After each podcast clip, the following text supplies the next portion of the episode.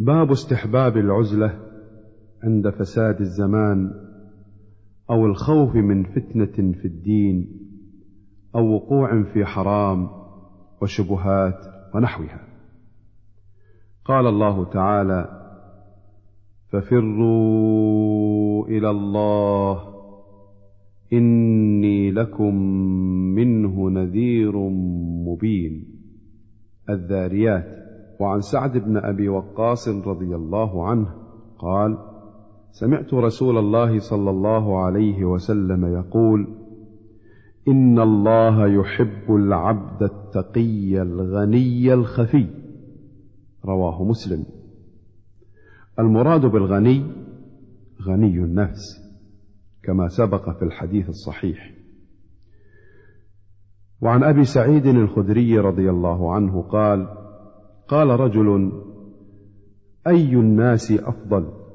يا رسول الله. قال مؤمن مجاهد بنفسه وماله في سبيل الله. قال ثم من؟ قال ثم رجل معتزل في شعب من الشعاب يعبد ربه. وفي رواية يتقي الله ويدع الناس من شره. متفق عليه. وعنه قال قال رسول الله صلى الله عليه وسلم يوشك أن يكون خير مال المسلم غنم يتبع بها شعف الجبال ومواقع القطر يفر بدينه من الفتن. رواه البخاري. وشعف الجبال أعلاها. وعن أبي هريرة رضي الله عنه عن النبي صلى الله عليه وسلم قال ما بعث الله نبيا إلا رعى الغنم. فقال أصحابه وأنت؟ قال نعم كنت أرعاها على قراريط لأهل مكة. رواه البخاري. وعنه عن رسول الله صلى الله عليه وسلم أنه قال من خير معاش الناس لهم رجل ممسك عنان فرسه في سبيل الله. يطير على متنه. كلما سمع هيعة أو فزعة طار عليه يبتغي القتل أو الموت مضانة.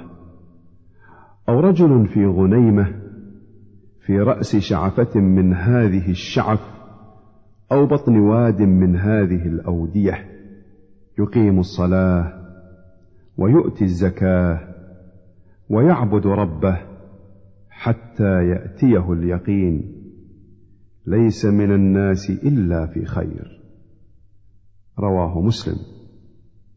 يطير أي يسرع ومتنه ظهره والهيعة الصوت للحرب. والفزعة نحوه. ومضان الشيء المواضع التي يظن وجوده فيها. والغنيمة تصغير الغنم. والشعفة هي أعلى الجبل.